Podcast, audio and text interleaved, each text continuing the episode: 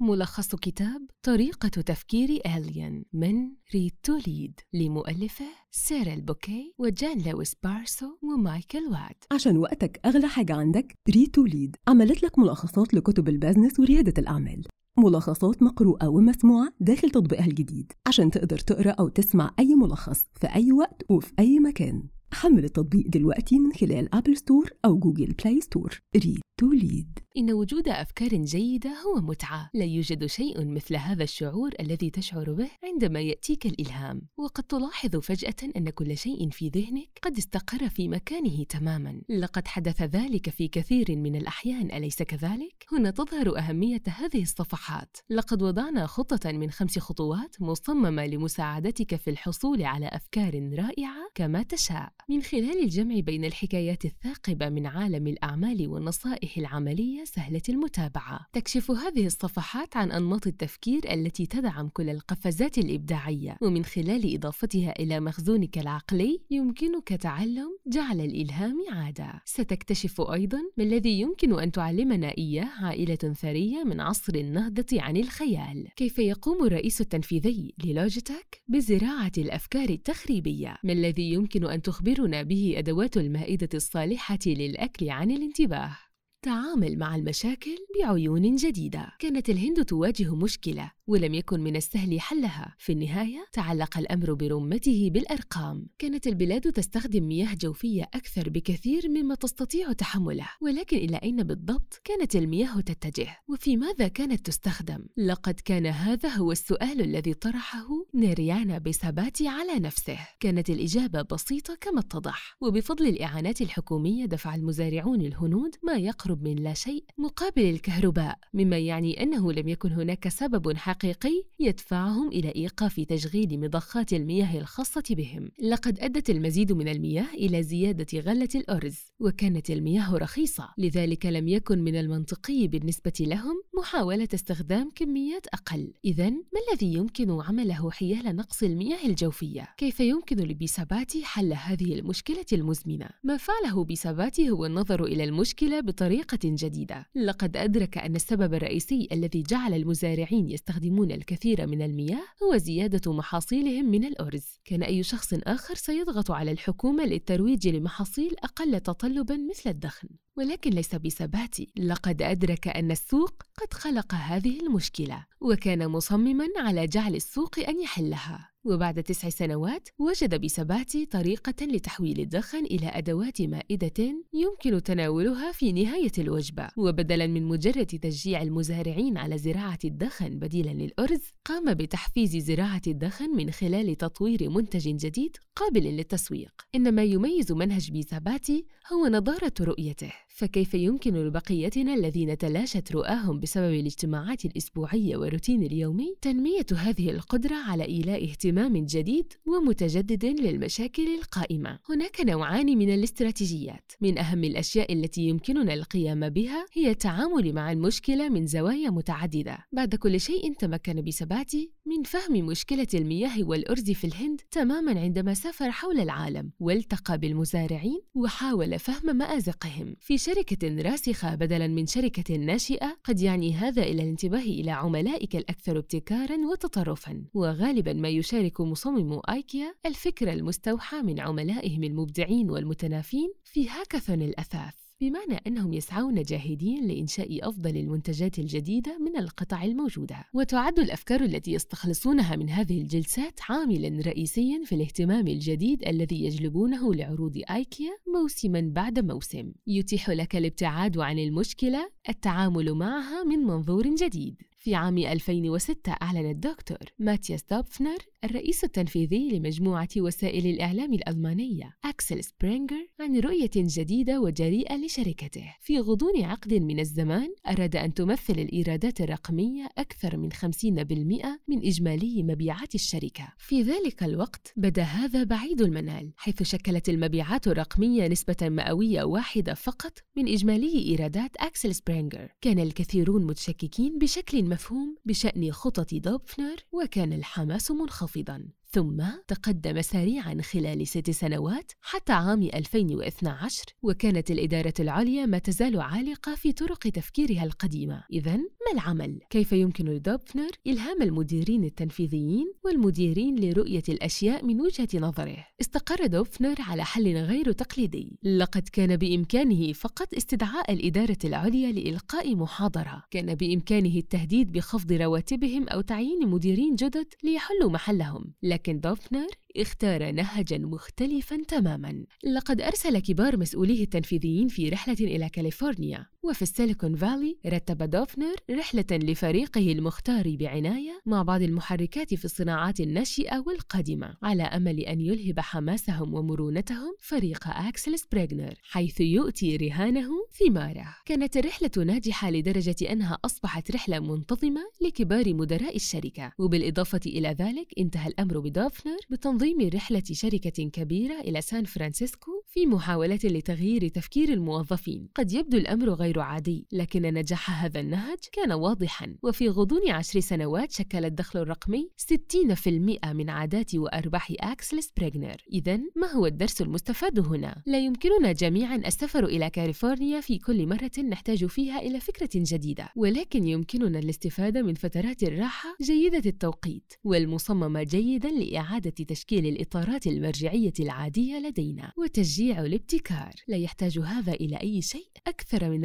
الانخراط الكامل في لحظات التفكير التي يوفرها لك جدولك الزمني بالفعل هل حصلت على 30 دقيقة من الوقت الهادئ في رحلتك الصباحية؟ استخدمها للتفكير في مشكلة لا تفكر فيها عادة في هذا السياق وقد تفاجأ بالإحصاءات التي تظهر أعد اكتشاف قوة خيالك وأطلق العنان لإبداعك. كأطفال امتلكنا جميعا الخيال بوفرة. في ذلك الوقت ركضنا حول ساحاتنا الخلفية لساعات متتالية متظاهرين أننا رواد فضاء ورجال إطفاء وأمهات وآباء وأطباء وممرضات. لكن حدث شيء ما. على مدار فترة تعليمنا أصبح الحفظ عن ظهر قلب أكثر أهمية من القدرة على توليد أفكار جديدة أو ممارسة خيالنا. لذلك بمرور الوقت أصبحت قدرتنا على تخيل الأشياء أضعف. لقد تعلمنا أن الخيال كان طفوليا وغير مهم ووجهنا انتباهنا إلى أشياء أخرى. والآن ندفع الثمن. على الأقل كان هذا هو الحال بالنسبة لعملاق الورق الإسكندنافي ستورا أنسو في عام 2011 وبفضل ظهور وسائل الإعلام على الإنترنت تلقت الطباعة ضربة وكانت الشركة تكافح للتكيف مع التغيير في الظروف. لقد احتاجوا إلى تصور بعض المشاريع الجديدة والمثيرة لكن الشركة كانت في حيرة من أمرها. أدرك جاكو كارفينان الرئيس التنفيذي آنذاك أن تفكير الشركة قد تلاشى. لقد كانت قاعة مجلس الإدارة متجانسة للغاية وقديمة الطراز وكانوا بحاجة إلى أفكار جديدة وطرق جديدة لتصور المستقبل. باختصار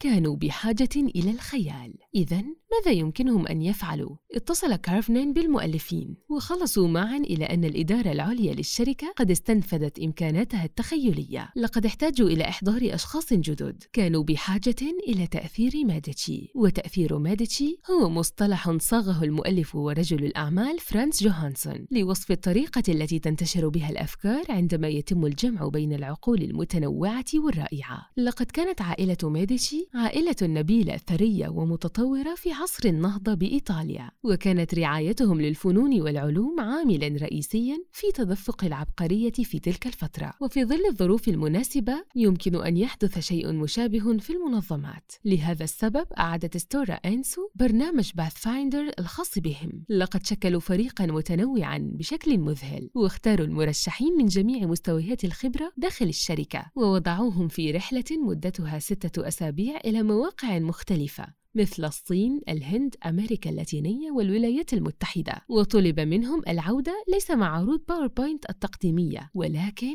بما لا يقل عن ثورة. وبطريقة ما نجحوا. شجع فريق Pathfinder قادة الشركة على مضاعفة الاستدامة كمجال رئيسي للنمو. وأثبتت نصائحهم المبتكرة أنها بعيدة النظر. في هذه الأيام ستورا أنسو ليست في الأساس شركة لصناعة الورق. إنها شركة عالمية للمواد المواد المتجددة. من خلال الجمع بين العقول المتنوعة والمحفزة اكتشفت هذه المنظمة القديمة فرصة جديدة للحياة. التجريب هو سر تطوير الأفكار الخارقة. إذا سبق لك ركوب قطار عبر فرنسا فمن المحتمل أن يكون مع شركة تدعى SNCF إنها الشركة العملاقة التي تسيطر على السكك الحديدية في البلاد. لكن هذا لا يعني أنهم يستطيعون الشعور بالرضا عن النفس. على العكس من ذلك في عام 2014 كان SNCF يواجه موقفا صعبا. باختصار لم تعد رحلات القطارات المعروضة للمسافرين تنافسية نظرا لكونها باهظة الثمن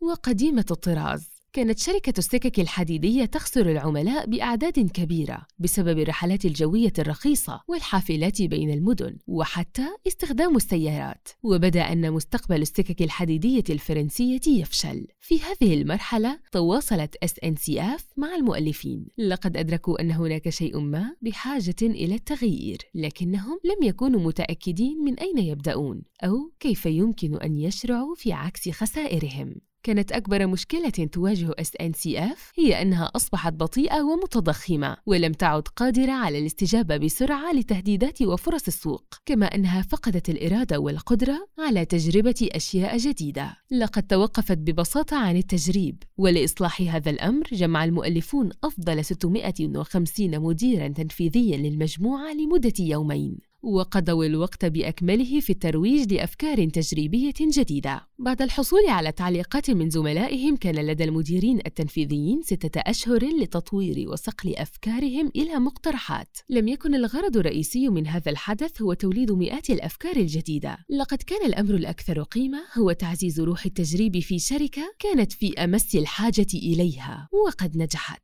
كانت إحدى الأفكار الجديدة هي خدمة تسمى TGV Max وهي مستوحاة من خطط الوصول غير المحدود التي تقدمها شركات الهواتف المحمولة بمقابل رسم شهري قدره 79 يورو يمكن للشباب الاستفادة من السفر غير المحدود خارج أوقات الذروة في القطارات عالية السرعة إذا ما هو الدرس؟ التجربة. ابتكر أكبر عدد ممكن من الأفكار والخطط الافتراضية واعتمدها جميعا. ولكن بعد استشارة العملاء والخبراء والحقائق البسيطة كن مستعدا لتجاهل أي أفكار غير متداخلة. الأفكار المبتكرة بحاجة دائما إلى الحماية. من السهل أن تتخيل أن امتلاك فكرة جيدة هو كل ما يتطلبه الأمر لتحقيق النجاح فأنت تجلس مع القلم والورقة وتتبادل الأفكار قليلا وتحظى بلحظة نجاح.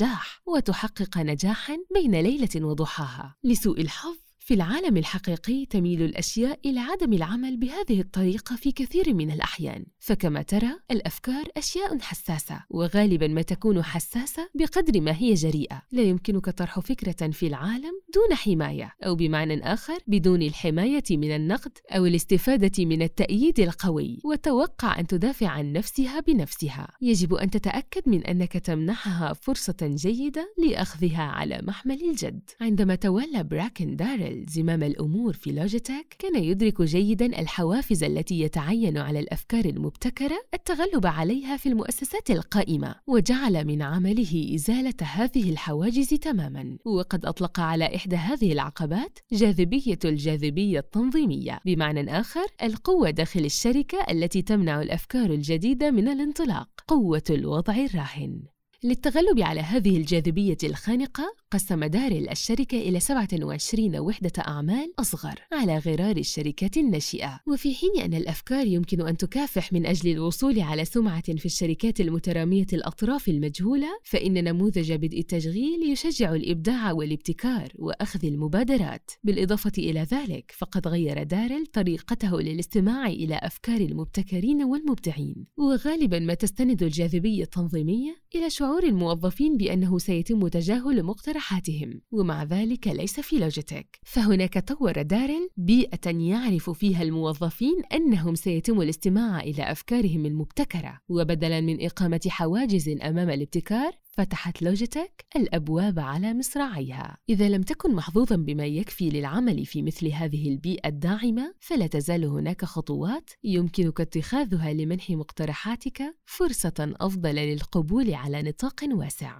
تتمثل إحدى الحيل في التأكيد على العوامل التي تربط فكرتك بماضي المنظمة بالإضافة إلى أهدافها وروحها الحالية. بهذه الطريقة يمكنك إخفاء فكرة جذرية كشيء متجذر بقوة في هوية الشركة. استخدم تقنيات آلين جنباً إلى جنب لتوليد أفكار رائعة في أي وقت. حتى الآن تطرقنا إلى بعض الاستراتيجيات لتوليد الأفكار الإبداعية وتنفيذها، وبجمعها معاً نحصل على تقنية آلين. لماذا آلين؟ إنه اختصار A للفت الانتباه والقدرة على رؤية العالم بأعين جديدة. L للارتفاع. وإخراج نفسك من موقف وخوضه مرة أخرى من منظور مختلف. I تمثل الخيال. وتصور الاحتمالات المستقبلية بناء على المواقف الحالية. التجريب يعطينا الحرف إي وأخيراً يشير آن إلى التنقل. بمعنى آخر مساعدة أفكارك الثمينة على التنقل في عالم غير مبال في بعض الأحيان. لقد رأينا هذه التقنيات بوضوح. لكن هل تعمل جنبا إلى جنب؟ إطار عمل آلين ليس سحريا ولكنه يقدم مجموعة أدوات يمكن استخدامها لتوليد أفكار جديدة في أي موقف صحيح أنه ربما لن تحدث جميع مقترحاتك الجديدة ثورة في العالم ولكن إذا تدربت على استخدام الأدوات التي اكتشفناها فستجد بمرور الوقت أن لديك المزيد من الأفكار وستكون تلك الأفكار ذات جودة أعلى وتجدر الإشارة إلى أن كل جزء من طريقة آلين مصمم لمساعدتك على التغلب على التحيزات الموجودة وطرق التفكير الضيقة. إن الهدف ليس تعليمك الاستفادة من نوع من العالم الآخر حيث تكون الأفكار المبتكرة جاهزة للاختيار. الهدف ببساطة هو السماح لك بإعادة اكتشاف القدرات التي تمتلكها بالفعل ولكنك أهملتها لصالح طرق أسهل وأكثر دنيوية من التفكير. قد تواجه بعض المقاومة الداخلية عندما تحاول تغيير طرق تفكيرك المعتادة. قد تشعر ببعض الخوف وهذا أمر طبيعي. إذا كنت قلقا بشأن الفشل فيمكنك توجيه هذه الطاقة لإيجاد أي عيوب في فكرتك. الهدف هو الاستفادة من خوفك. بدلا من السماح له بمنعك من التصرف بناء على أفكارك دعه يساعدك على صقل خططك. اجعل أي قلق أو خوف أداة إضافية وليس عقبة إضافية. ختاما لا داعي لانتظار الإلهام. فباستخدام تقنية آلين يمكنك تعطيل طرق تفكيرك اليومية ورؤية ما وراء النقاط العمياء وجعل الأفكار الرائعة تبدو وكأنها طبيعة ثانية بالنسبة لك. استفد من التكنولوجيا والبيانات للتغلب على تحيزاتك. يمكن للتحيزات في طرق رؤيتنا للعالم أن تمنعنا من تحديد المشكلات وتوليد الحلول ووضع الأفكار العظيمة موضع التنفيذ بفعالية. إحدى الطرق التي يمكنك بها التغلب على النقاط العمياء هي إزالة نفسك جزئيا من المعادلة. للقيام بذلك اعتمد على البيانات الموضوعية والتكنولوجيا لتشكيل الفرضيات واختبار افتراضاتك على أرض الواقع. ومن الأفضل أن تدرك أنه كانت لديك أشياء خاطئة عندما لا تتراكم البيانات في مرحلة مبكرة بدلاً من شهور أو سنوات على طول الخط.